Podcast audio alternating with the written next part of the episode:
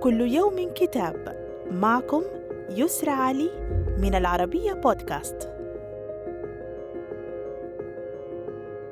نتناول اليوم كتاب ذبابة على أنف الرئيس للكاتب السعودي مروان البخيت.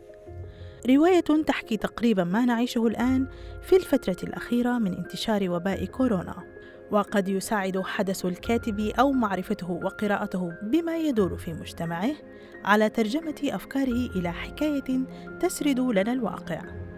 حيث تبدأ أحداث الرواية عندما تندلع شرارة الأحداث ذات يوم اعتيادي حينما بدأ مرض غريب ينتشر في البلاد.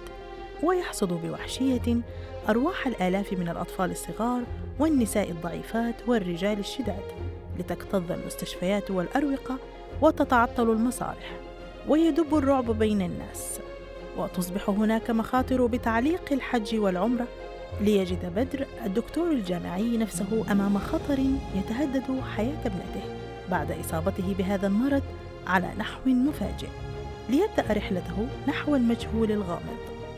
صدر الكتاب عن مركز الأدب العربي للنشر وإلى اللقاء مع كتاب جديد.